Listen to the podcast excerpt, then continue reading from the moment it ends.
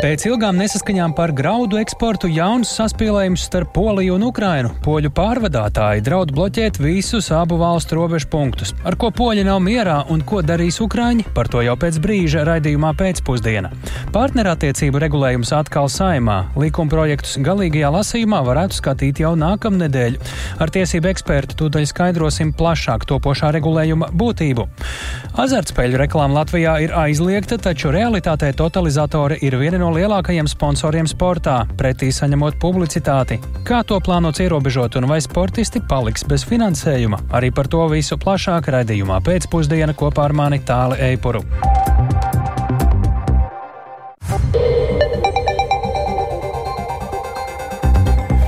Pūkstens ir 16,5 minūtes, skan pēcpusdienas ziņu programma, skaidrojot šodienas svarīgus notikumus studijā Tāls Eipurs.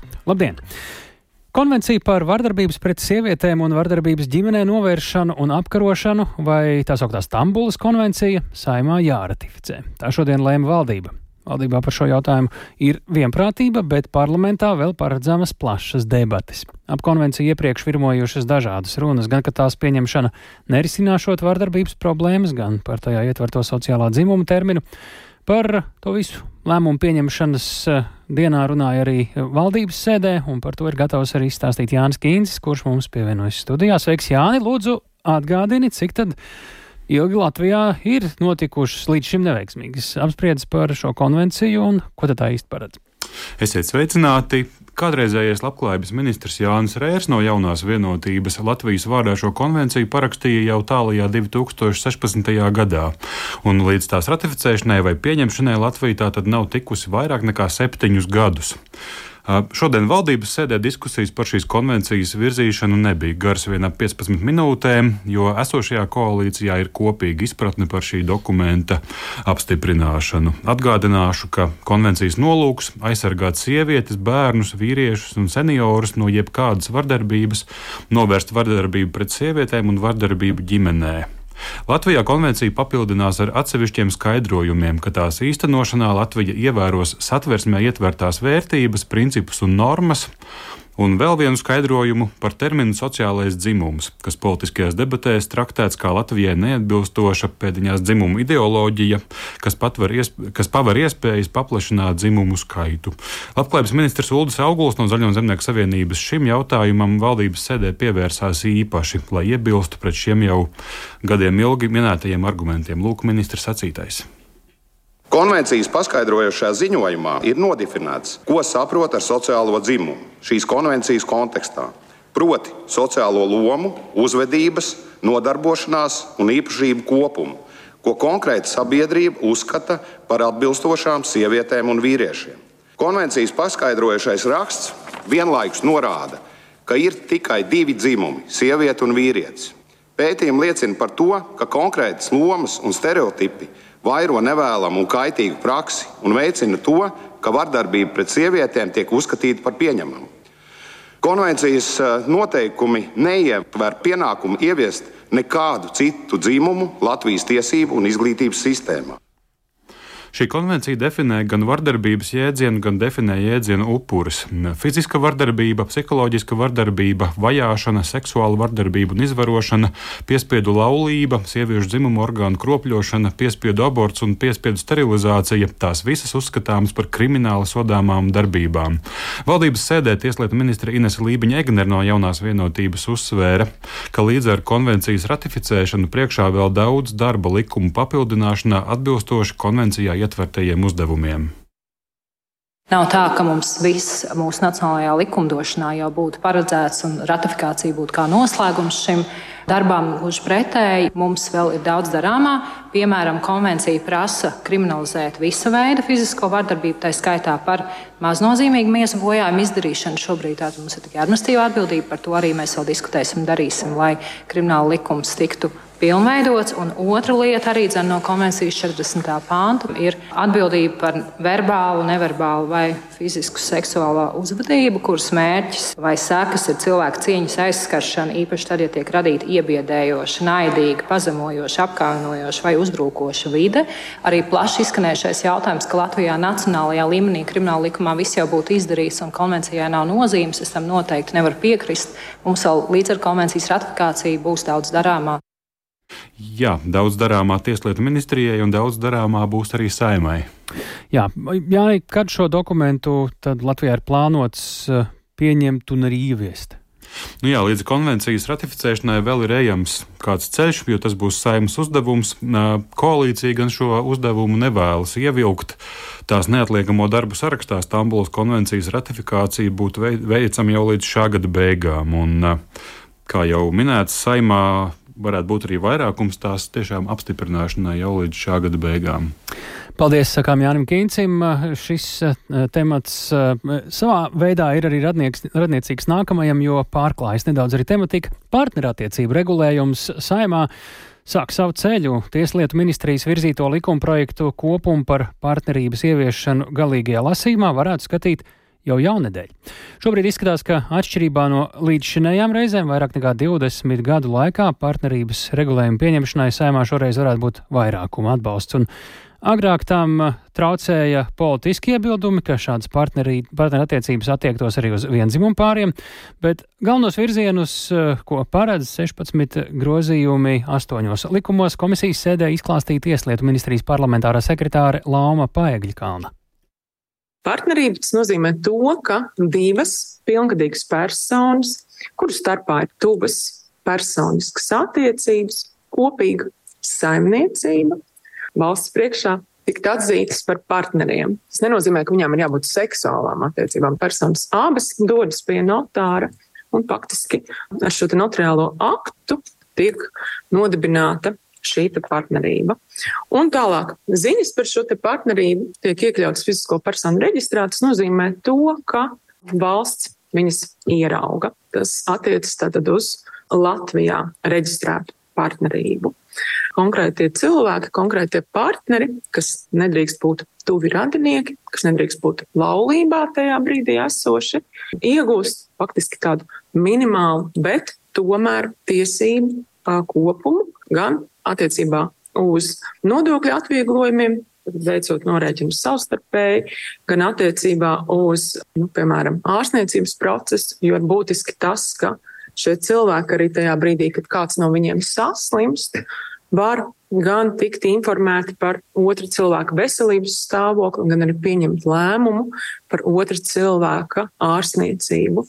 Tāpat tad mēs arī piedāvājam grozījumus likumā par valsts pensijām un arī par valsts sociālo apdrošināšanu, tad, lai arī, dzen, piemēram, pārdzīvojušais partneris var saņemt tātad, nāves gadījumā pabalstu no valsts, un tad, tad tikt arī ieskaitīti šie sociālās apdrošināšanas periodi. Tā Laima Paigļkalna, Paigļkalna Tieslietu ministrijas parlamentārā sekretāra, bet, lai mm, lūgtu skaidrojumu, esam pie klausulas aicinājuši konstitucionālo tiesību ekspertu zvērinātu advokātu Edgaru Pastaru. Labdien! Labdien! Nu, tas vairs nav civilās savienības institūts, par ko daudzi līdz šim cīnījušies, vai vēl nav. Te eh, runa ir par partnerattiecībām, ko nosauks par partnerību. Kas tad pēc būtības ir tas, kas šobrīd tiek virzīts saimā? Šī pakotne pēc būtības, atšķirībā no civilo savienību likuma, risina personu attiecības ar valsti un risina attiecības ārkārtīgi praktiskos, konkrētos gadījumos. Civilā savienība vairāk ir nākamā pakāpe, tas, kas saimā tika norādīts, nākamā pakāpe, kura jau risina mantiskas attiecības un jau ciešāku personu, personu attiecību modeli. Tāpēc šis vairāk, kā, jau, kā arī jau pareizi tieslietu ministrijas pārstāvja norādīja, vairāk konkrētu, praktisku uh, risinājumu kopums, lai personas, kuras dzīvo kopā, baudītu cieņpilnu attieksmi no valsts, uh, attiecībās ar valsti, nodokļi, sociālā drošība, veselība, uh, un viņas tiktu atzītas un respektētas, un būtu arī valsts reģistros zināms, ka šīs personas nav vienkārši dzīvokļu biedri, ja tā var teikt, bet viņām ir noteikts arī tiesiskais status attiecībās ar valsti. Nu, piemēram, bieži pieminētais piemērs slimnīcā guļot, ka ir otrs cilvēks ar kaut kādām tiesībām lemt par to, kas notiek. Ar... Jā, un viņš ir skaidri reģistros arī nolasāms, arī valsts zināts par to, kādas personas ar kādu statusu arī valstī dzīvo. Kas šeit netiek risināts, lai arī varbūt pieklātos vai būtu loģiski? Uh, šīs noteikti regulējums teikt, neizsmeļ aku līdz pašai apakšai. Uh, Jautājumi par, par dažādiem mantiskiem jautājumiem, proti par mantojuma tiesības vai imigrācijas jautājumi. Arī atsevišķi bērnu tiesību jautājumi šeit netiek aptverti. Tie būtu diskutējumi nākotnē vai nu tiesvedības procesos, vai arī diskusijās parlamentā. Šī ir tāda, jā, tā var teikt, bāzes versija, par ko politiķi bija spējuši vienoties, lai risinātu galvenās vai degošākās problēmas, bet varbūt atsevišķas vēl sarežģītas šajā brīdī vēl uzreiz neatrisinātu, bet eh, ne, tas nenozīmē, ka tās tiek pilnībā noraidītas vai atliktas. Tām tad būs vēl citi risinājumi nākotnē, ja par to spēs vienoties, vai par to lems tiesa. Un vēl īsi, ja šo partnerības institūtu tagad pieņem, kādi tad būs tuvākie praktiskie izaicinājumi, jo tas jau vēl jāievieš reāli praksē, iestādēm un tam līdzīgi. Nu, galvenais, pirmais jautājums ir iedzīvotāja reģistrs. Tad fizisko personu reģistrā ir svarīgi, lai, lai sistēma līmenī šīs personas varētu reģistrēt, būtu attiecīgas ailes. Kas ir ļoti svarīgi. Un, eh, un tālāk būs jāskatās arī dažādi pakārtotie tiesību akti, ministra kabineta līmenī, iestāžu līmenī, veidlapu līmenī, lai, lai, lai kopumā šis jaunais jēdziens līdztekus eh, citiem jēdzieniem, past, kādi pastāv, viņš ienāktu, ienāktu mūsu dzīvēs un arī valsts, valsts aparāta darbībā. Tā kā daudz praktisku soļu turpmāk, bet šis ir pirmais solis, bez kuriem nākamos soļus spērt nav iespējams. Un manā ieskatā pakotne nav varbūt izcila, bet viņa ir labākais, ko šobrīd var piedāvāt uh, un par ko var vienoties. Paldies par sarunu Edgars Pastārs, konstitucionālo tiesību eksperts, zvērnāts advokāts. Un šobrīd pievēršamies Ukrainai. Pēc ilgstošām nesaskaņām par graudu eksportu veidojas jauns saspīlējums starp Ukrainu un Poliju, un šoreiz pārvadājumu jomā. Poļu pārvadātāji draud no novembra bloķēt visus Ukrainas robežas pārējais punktus Polijas pusē, tā protestējot pret viņu prāt nesamērīgo konkurenci pēc starptautisko pārvadājumu liberalizācijas starp Ukrainu un Eiropas Savienību. Vairāk par konfliktu būtību šobrīd esam sazinājušies ar Latvijas radio korespondentu Ukrainā Indra Sprānci. Sveiki, Indra! Pastāst lūdzu tuvāk, par ko ir šis konflikts? Labdien! Jā, šodien Ukrainas kopienu teritorija un infrastruktūras attīstības ministrija publiskojas paziņojumu, kurā norāda, ka ir aicinājusi Poliju un Eiropas komisiju uz kopīgu tikšanos visām iesaistītajām pusēm, lai risinātu jautājumus par robežu pārējais punktu darbību. Un kā norādīja atbildīgais ministrs Sergejs Derkačs, Ukraiņi ir saņēmuši paziņojumu par to, ka ir iespējama robežu kontrolpunktu bloķēšana no polijas pārstāvju puses, bet uh, Ukraiņi aicina uz sarunām, jo uh, šādi streiki un blokādes kaitē visiem, gan Ukraiņas, gan arī polijas pārvadātājiem. Tā pauda atbildīgais Ukraiņu ministrs. Poļi iepriekš brīdinājuši, ka pirmā poļu autopārvadātāja organizētā akcija varētu notikt jau 3. novembrī. Korcovas, Krakovecas robežu kontrola punkta tūmā un uh, Ukraiņu pārvadājumu, pār, uh, pārvadātāju bloķēšanas akcija plānota divu mēnešu garumā. Un uh, jau iepriekš poļi ierobežojuši Ukraiņu pārvadātāju darbu vienā robežu kontrolas punktā, tad tagad poļu pārvadātāji draud bloķēt visus robežu kontrolas punktus uz robežas ar Ukraiņu viņu pusē. Un uh, Ukraiņi tikmēr cer uz iespējamu problēmu atrisināt sarunās, un, kā norādījis Ukrainas atbildīgais ministrs Derkačs, Ukraina ir pateicīga Polijas tautai par pastāvīgo atbalstu pilnu apmēru karā un ir gatava dialogam, taču tur vajadzētu būt vienlīdz pārstāvētām abu valstu pārvadātāju interesēm. Un šobrīd ir zināms, ka tikšanās ar Eiropas komisijas direktorātu bija plānota šodien, bet pagaidām nav informācijas par tās rezultātiem. Tāli? Jā, Indra, ko poļu pārvadātāji ar saviem praustais solījumiem vēlas īsti panākt? Nu, kā vēsta poļu mediju, polijas pārvadātāji cits starpā pieprasa atļauju, atļauju sistēmas atgriešanu Ukrainas pārvadātājiem. Šā gada martā Eiropas Savienība un Ukraina vienojās par transporta vīzu režī, režīmu atcelšanas pagarinājumu līdz nākamā gada 30. jūnijam, un pirmajā bezvīzu režīmu gadā divpusējo un tranzīta kravu autopārvadājumu apjoms palielinājies ļoti ievērojami par vairāk nekā 50%. Ievērojami pieaudzis arī pārvadātāju pārvadātāju skaits, kas šķērso Eiropas Savienības robežu, un poļi tagad vēlas atgriezt dažādas ierobežojumus, tajā skaitā organizēt atsevišķas ērindas transportam, kas brauc ar Eiropas Savienības numuriem, un tiem, kā tāda nav, un ir arī citas samērā tehniskas prasības. Tā. Kā tad var kādām sakām rēķināties, ja poļi savus draudus tiešām piebildē un bloķē pārvadātājiem visus iebraukšanas ceļus savā Polijas-Ukrainas robežas pusē? Sekas varētu būt patiešām nopietnas, ņemot vērā Melnās jūras daļējo blokādu, ko īsteno Krievija un arī sezonālā eksporta pieauguma. Visa raža pamatā tiek izvest pa sauzem, bet par tās apmēriem šobrīd nekādas informācijas arī vietējos mēdījos nekur nav. Visdrīzāk jau gaidot kādu racionālu domstarpību atrisinājumu, kam mēs arī līdzi sekosim. Paldies Indrais Prāncei tieši redzē no Ukrainas, bet šobrīd par iespējamo amnestiju. 2017. gada Katalonijas neatkarības referenduma rīkotājiem savu viedokli iekšējā balsojumā var izteikt Spānijas Socialistiskās partijas biedri. Tur gan jautājums ir uzdots netieši, tomēr visiem ir pietiekami skaidrs, par ko ir runa. Un ar šo soli topošais valdības vadītājs Pedro Sančes, arī no Socialistiskās partijas, vēlas iegūt partijas biedru atbalstu Spānijā pretrunīgi vērtētajam solim, kur īpaši asi kritizē Spānijas labējie. No šī jautājuma ir atkarīgs, vai nākamnedēļ varētu tikt apstiprināta jaunā Sančes valdība. Notikuma attīstībai sako mūsu Briseles korespondents Ārķams Konohovs, un ar viņu mēs esam tiešraidē sazinājušies. Sveiks, Ārķom! Cik liela varbūtība ir, ka Spānijas parlaments varētu amnestēt Katalonijas neatkarības referendumu rīkotājus. Labdien, tālu, labdien, klausītāji! Es teiktu, ka šī varbūtība ar vienu palielinās, un līdz nedēļas beigām Spānijas sociālistiskās partijas biedriem ir jādod sava atbilde. Jautājums, kā jau tu minēji, tāds netiešs, viņiem faktiski tiek prasīts, vai viņi ir ar mieru un piekrīt tam, ka valdība tiek veidota ar kreiso partiju apvienību sumāru un arī ar citu partiju atbalstu. Un šis citu partiju atbalsts tad arī nozīmē izpildīt Katalonijas neatkarības piekritēju prasības un arī dažas citas prasības. Un viena no centrālajām, protams, ir šī amnestija. Un, jāsaka, ka Spānijā pietiekami liela uzmanība ir piesaistījusi tikšanās, kas ir notikusi vakar, tepat Briselē, Eiropas parlamentā, un tā ir notikusi starp Spānijas Socialistiskās partijas trešo numuru un kādreizējo Katalonijas valdības vadītāju Karlesu Puigdemonu. Viņš, kā zināms, kopš 2017. gada Spānijā nav rādījies, jo tur pret viņu ir izvēlējies izvirzītas apsūdzības, un viņš varētu nonākt cietumā, ja viņš tur parādītos. Un, tāpēc viņam it sevišķi arī ļoti personīgi amnestija ir svarīga. Un tas, ka šī tikšanās tika publicēta, daudziem Spānijā liek domāt, ka tiešām sarunas starp Katalonijas separātistiem un socialistisko partiju Spānijā ir jau finiša taisnē un atliek tikai sagaidīt, ko teiks partijas pārstāvji. Un, protams, jā, tas nebūtu nav tāds ļoti vienkāršs un viennozīmīgs solis.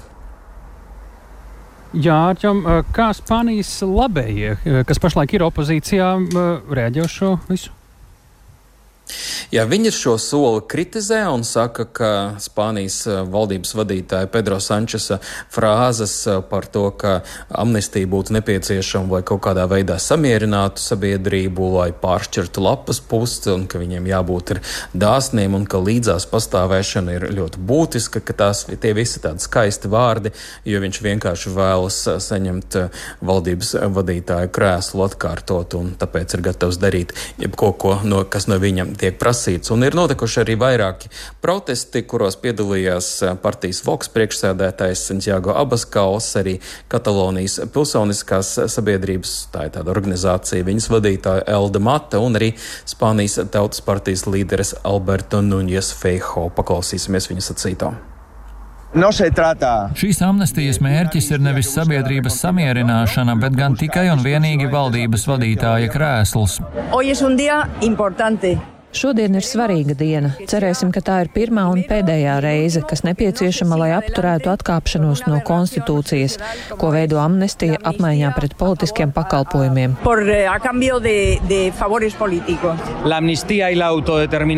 Amnestija un pašnoteikšanās, ko piedāvā Sančesa topošā valdība, ir uzbrukums konstitūcijai.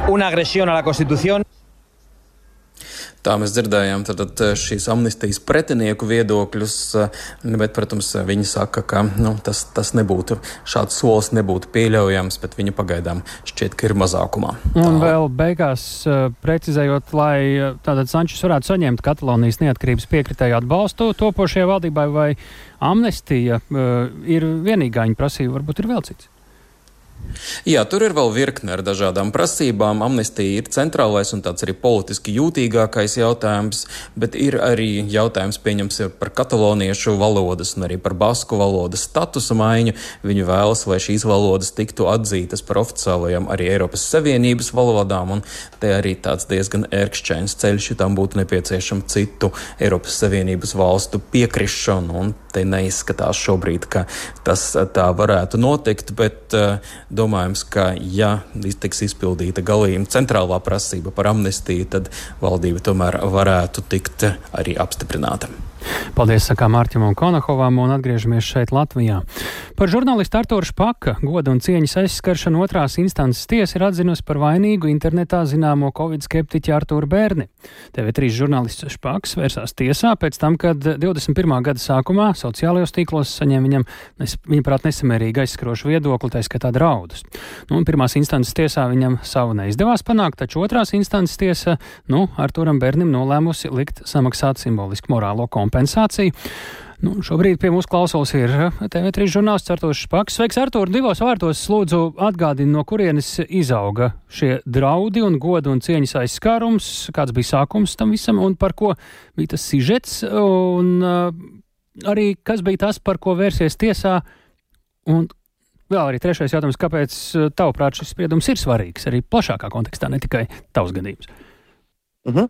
Jā, labvakar visiem klausītājiem. Tad sižets man bija pirms aptuveni vairāk nekā, nu, aptuveni pirms diviem ar pusi gadiem, kad bija spēkā ievērojami covid ierobežojumi un nebija atļauts apmeklēt baseinus. Un tajā laikā Jūrmalā darbojās, un joprojām darbojas viesnīca piedzēkšņu viesnīca, kur arī ir basēna komplekss. Tur tad nu, varēja mācīt pie māsīņas un neatļauti dabūt atļauju apmeklēt šo basēnu, apējot noteikumus. Respektīvi, uz basēnu drīkstēja doties tikai tiem, kam bija nepieciešama rehabilitācija. Bet tur apgāja noteikumus, varēja jebkurš aiziet. Papildāt. Tad kādam šis sižets nepatika? Un nepatika. Jā, un mēs uztaisījām sižetu, un tad, nu, jau pieminētais jau personāžs pēc tam sāka mani ķangāt internetā, ka es esmu, ka es filmēju mazus bērnus, izlieku viņus apskatēju un pats pārkāpju noteikumus, un ka es esmu iespējamais pedofils un gejs un idiots un kā vispār šādi drīkst rīkoties. Tad viņš jau nu, tur gāja jau, jau vairākos jau līmeņos, jo pēc tam jau tika iesaistīta arī zemesardzē, kurā es ar lepnumu dienē, joprojām dienu. Un tika norādīts, ka es uh, būšu iespējamais tautas nu, savēju nodevējs un pavērsīšu mm. ieroči pret savējiem. Tad tu vērsies tiesā. Un, un es vērsos tiesā. Pirmā instancē es uh, zaudēju. Tiesa pilnīgi nesaskatīja neko, ka būtu kāds mans goda un cieņas aizkārums. Uh, Bet šodien e, bija otrās tiesas instances lēmums, šodien saņēmu, un tur ir pilnīgi pretējs rezultāts. Pilnīgi viss tas, ko es prasīju, lai šis personāžs Arthurs Bērnis man uh, atvainojās uh, savā Facebook Jā. profilā. Viņam ir jāsamaksā man šī simboliskā morālā kompensācija, ko mēs prasījām. Nu, un tiesas izdevumu un tā, jā. Kāpēc, tavuprāt, ir svarīgi šo neatstāt tāpat vien un iet uz tiesu un par to runāt? Jā, man tas pašam arī bija svarīgi šo visu darīt, tāpēc, lai cilvēkiem parādītu, ka par saviem vārdiem ir jāatbild ne tikai tā teikt realitātē, bet arī par to, ko tu raksti un saki internetā. Jo nu, daudziem joprojām laikam nav aizgājis līdz, mm -hmm. līdz tam uh, smadzeņu podam, ka nu, tur arī ir jāatbild par vārdiem, un man bija tas svarīgi. Un lai, kopumā žurnālistikā? Lai jo vēl jau vairāk svarīgāk tas ir, jo šis bija viens no personāžiem, arī manuprāt, kurš uh, vērsa tādu kā, mm, kampaņu arī pret maniem kolēģiem, kur nu, vienkārši runāja visu, kas ienāk, ienāk prātā par žurnālistiem. Un, un tas ir bīstami, ka vienkārši par žurnālistiem kā sabiedrības daļu vērš šādus nepatiesus apgalvojumus un mūsu amatu nu, noniecina. Un, manuprāt, nu, šis ir tāds uh, pierādījums, ka nu, žurnālistam arī ir jāpastāv par savu godu un cieņu, jo šajā gadījumā viņš mani aizskāra un man uzbruka tieši kā žurnālistam, nevis kā privātpersonai. Paldies, Artur! Artur Špāks, TV3 žurnālists, bija pie mūsu klausulas Latvijas žurnālistu asociācijas vadītāja Zane Mače. Sveiki, Zane! Labdien! Cik izplatītas ir tādas dažādas ķēngas un draudi vai kaut kas uz robežas ar to pret žurnālistiem internetā? Uh, mēs, es te redzu arī Latvijas sabiedrisko mediju tiesības ar Zandru Rožkalni savulaik ir secinājusi, ka katrs trešais Latvijas žurnālists naidīgi apsaukāts, uh, reģionu žurnālistiem gan nedaudz retāk tas ir. Nu, mēs ticēsim Andas šim pētījumam. Viņa noteikti ir iedziļinājusies vairāk un plašāk. Bet, nu, jā, protams, tas, kad uh, Nu, tā ir tāda sabiedrības varbūt, reakcija, kad ir kāds notikums, ar ko viņi nav apmierināti. Tad varbūt vajag atrast kādu cilvēku, kurā to vainot. Nu, tad ir žurnālists, kurš par to ir ziņojis. Nu, tad viņš e, ir tas, kurš saņem nu, kaut kādus pārmetumus vai, nu, kā šī Artura gadījumā, arī e, draudus. Un, e, Covid laikā tas, manuprāt, bija ļoti izteikti. Tad e, žurnālisti daudz saņēma dažādus pārmetumus. Nu, tagad, manuprāt, ir tā, ka, nu, ja ir kaut kāds jūtīgs temats, par ko tiek ziņots un kas sabiedrību uztrauc, tad nu, arī ir, mm -hmm. nu, mēs zinām, dažas, piemēram, gadījumus ar Baltika nesen stāsta par Daugopili un saistībā ar šiem valodas eksāmeniem krieviski runājošiem bijušiem pilsoņiem, nepilsoņiem un nu, līdzīgiem stāstiem, kas Jā. sabiedrību varbūt uztrauc, un tad ir iemesls tam žurnālistam pateikt visu, ko domā. Un otra lieta, cik svarīgs ir katrs šāds vai līdzīgs tiesas spriedums, ko tas dod mediju videi un arī sabiedrībai, klausītājiem, skatītājiem, lasītājiem? Uh, nu, pozitīvi ir tas, ka uh, nu, tas, tie cilvēki iespējams ar laiku sabiedrībā sapratīs, ka nu, tu nevari gluži vienkārši darīt jebko arī tajā virtuālajā vidē. Uh, Jo nu, mēs zinām, ka mums ir viens uh, spriedums, tad gan ir krimināla process, kur ir notiesāts. Es gan ne, nezinu, vai jau stājies spēkā spriedums, bet arī par uzbrukumu žurnālistam, no arī, vai draudiem uzbrukt žurnālistam. Bet uh, šī gadījumā arī nu, par to, jā, ka tai virtu, virtuālajai vidē izsakot draudus, nu, ka par to arī draudz atbildība. Ja ne krimināla, tad šī gadījumā saprot, tas bija civil process, nu, kad, kad ir par to pienākas sots. Tas eh, iespējams arī pārējiem kolēģiem. Dažreiz domā, ka nu, tur es eh, varbūt tieši un apgrūtināšu tiesu ar savām prasībām, ka varbūt tomēr ir vērts eh, nu, pastāvēt par savu profesiju, savu darbu un vērsties tajā tiesā. Paldies Zanē Mačē, Latvijas žurnālistu asociācijas vadītājai. Nu, par kādu ļoti vēl svarīgu tēmu. Ko darīt, lai bērni un jaunieši nenonāktu dažādās riska grupās, Saimnes ilgspējīgas attīstības komisijas demogrāfijas ģimeņa un bērnu lietu apakškomisijas sēdē. Šodien turpinājās spriešana, kādas ir problēmas un risinājumi uzvedības riska grupu bērniem un jauniešiem. Vairāk par secināto mums ir gatava pastāstīt kolēģi Agnija Lāsdiņa. Sveika, Agnija! Sēdē daudz tika runāts tieši par nu, prevenciju, par to, ko var darīt jau laikus, kas šobrīd Latvijā tajā tiek veikts.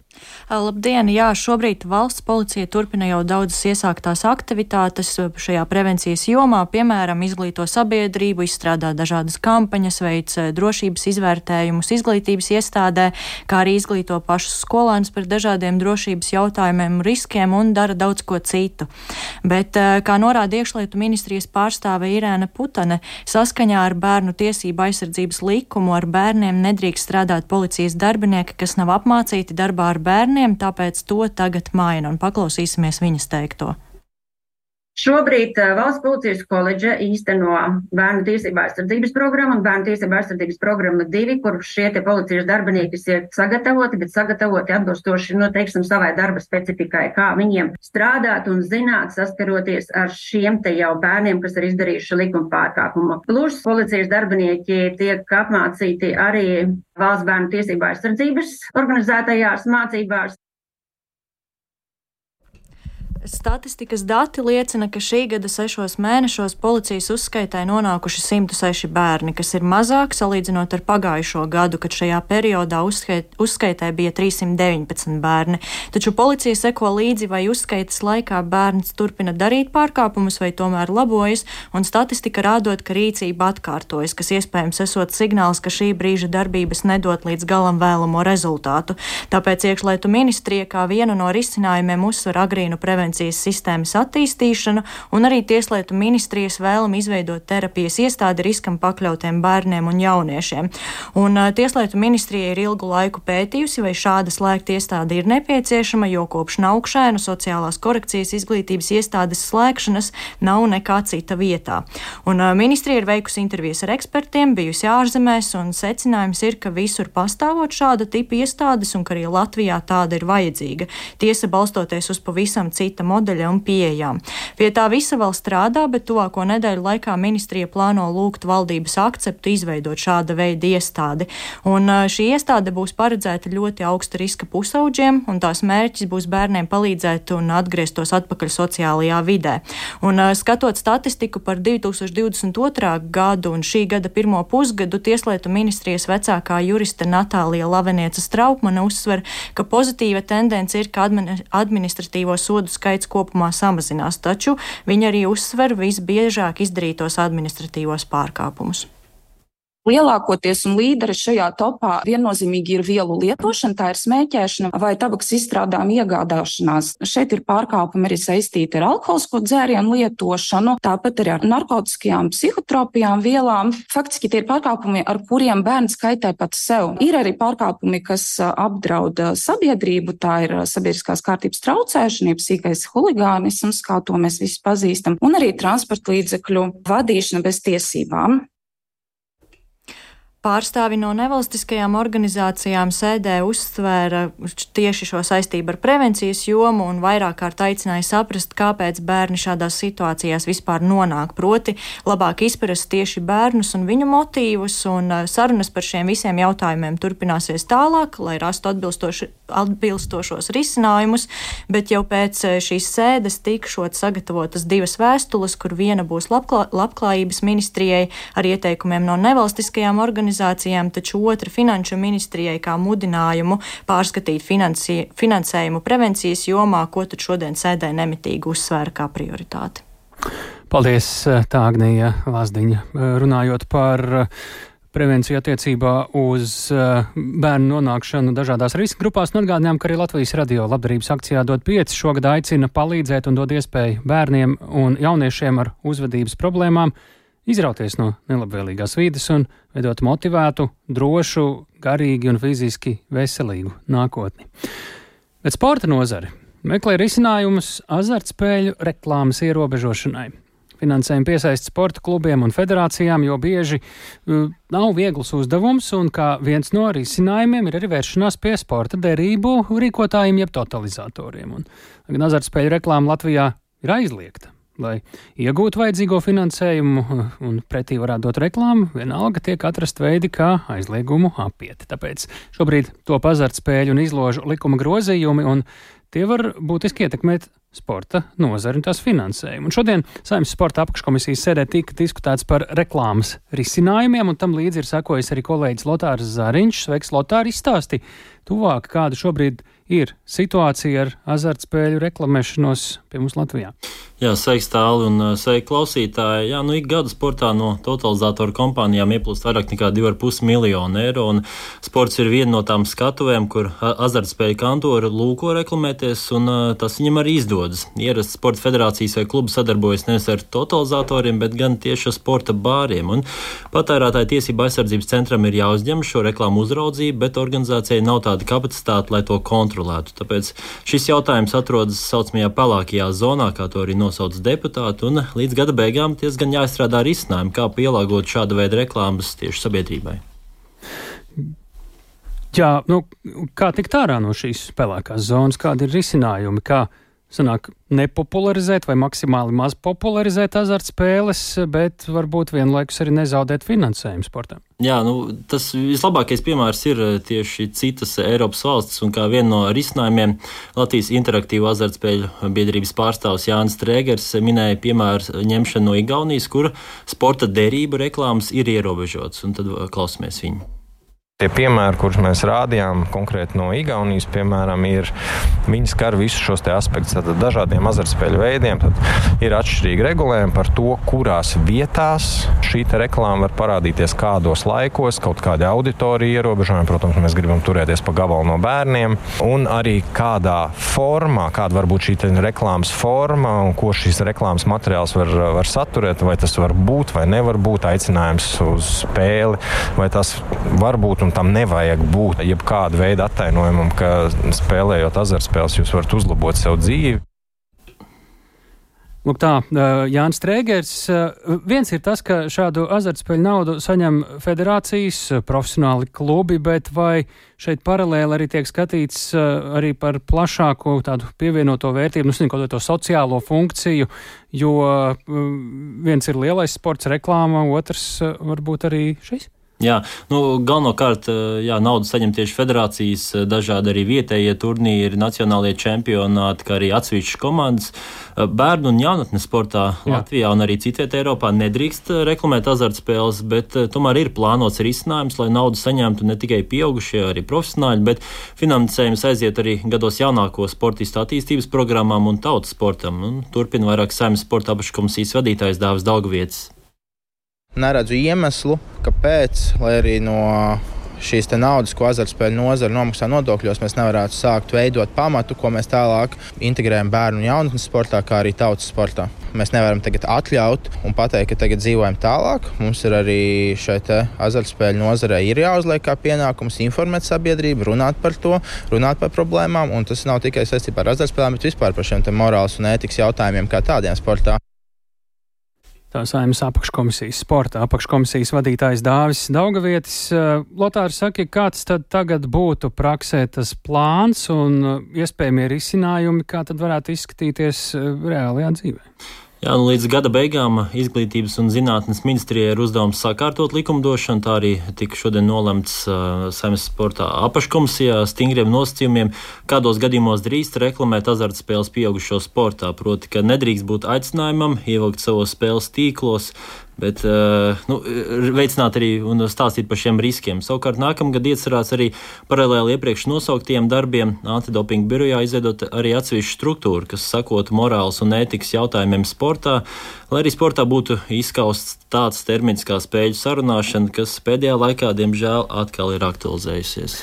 Nu jā, tas, ka Latvijā tā situācija ir relatīvi liberālāka nekā daudz viet citur pasaulē. To pierāda arī reāli mūsu lielo sporta izlašu uh, gadījumi vai negadījumi vai atgadījumi. Uh, tad, kad dodas uz kādiem lieliem uh, sporta turnīriem, te bija gan basketbolistiem stāsts, gan hokejistiem, un turklāt tas ir šī gada laikā, man liekas. Jā, jā, tā precīzi, un šodien arī tieši saimnes sporta apakškomisijas sēdē viesojās Kaspars Ciprus. Basketbola savienības. Jā, Jā, jā un viņš minēja, ka bez šī finansējuma nu, basketbola izlase nebūtu spējusi startēt. Šī bija visdārgākā izlase, kas vispār ir bijusi basketbolam, bet to mēs redzam arī rezultātu. Toties saskārās, jā, kā arī tu minēji ar šiem aizliegumiem savā ziņā, gan Somijā, gan Latvijas hokeja izlase, gan arī basketbols Indonēzijā, basketbola izlase, ka Savā ziņā tas ir totalizators, bet tajā pašā laikā norāda šīs organizācijas, ka tas ir sporta bārs, tādējādi it kā, ap, it kā apējot jā, šo likumu. Nu jā, un tad indonēzieši lika, vai mūsēji izdomājis, neatceros, bet nogriezt šo nosaukumu daļu, kas liecina par totalizatoru klātbūtni kaut vai attālināti, un tad laikam to juridiski vismaz varēja atļaut. Varēja. Un hokeja gadījumā tur arī nekāda prieka vēstis nebija. Jā, bija, bija līdzīgs gadījums, bet uh, arī katrā ziņā ar šo terminu, jeb šo pielikto frāzi sporta bārs varēja diezgan viegli tikt cauri. Un, uh, nu, tāpēc arī tiek meklēti šie risinājumi, lai arī tepat Latvijā varētu sakārtot šo visu vidi. Sakām lielu paldies Lotāram Zariņam! Šis bija ziņu raidījums pēcpusdiena. To veidojam mēs, Tāls Eipors, Silzi Aginta, arī Uldis Grīnbergs un Iveta Zvejniece. Atgādinām, ka šo raidījumu pavisam droši varat arī klausīties sev vērtā laikā. Ir vairāki veidi, varat ņemt tālāk Latvijas radio mobilo lietotni, tur meklējiet dienas ziņas, līdzīgi ar visām lielākajām raidierakstu platformām. Šādi varat gan paši klausīties vērtā laikā, jau pēc eh, kāda brītiņa tur būs šis raidījums pieejams, gan arī dalīties ar citiem, ja jums šķiet, ka viņiem ir vērts dzirdēt tieši šo raidījumu. Mēs tiekamies kā katru darba dienu, arī rīt pēc ziņām 16,5 minūtēs.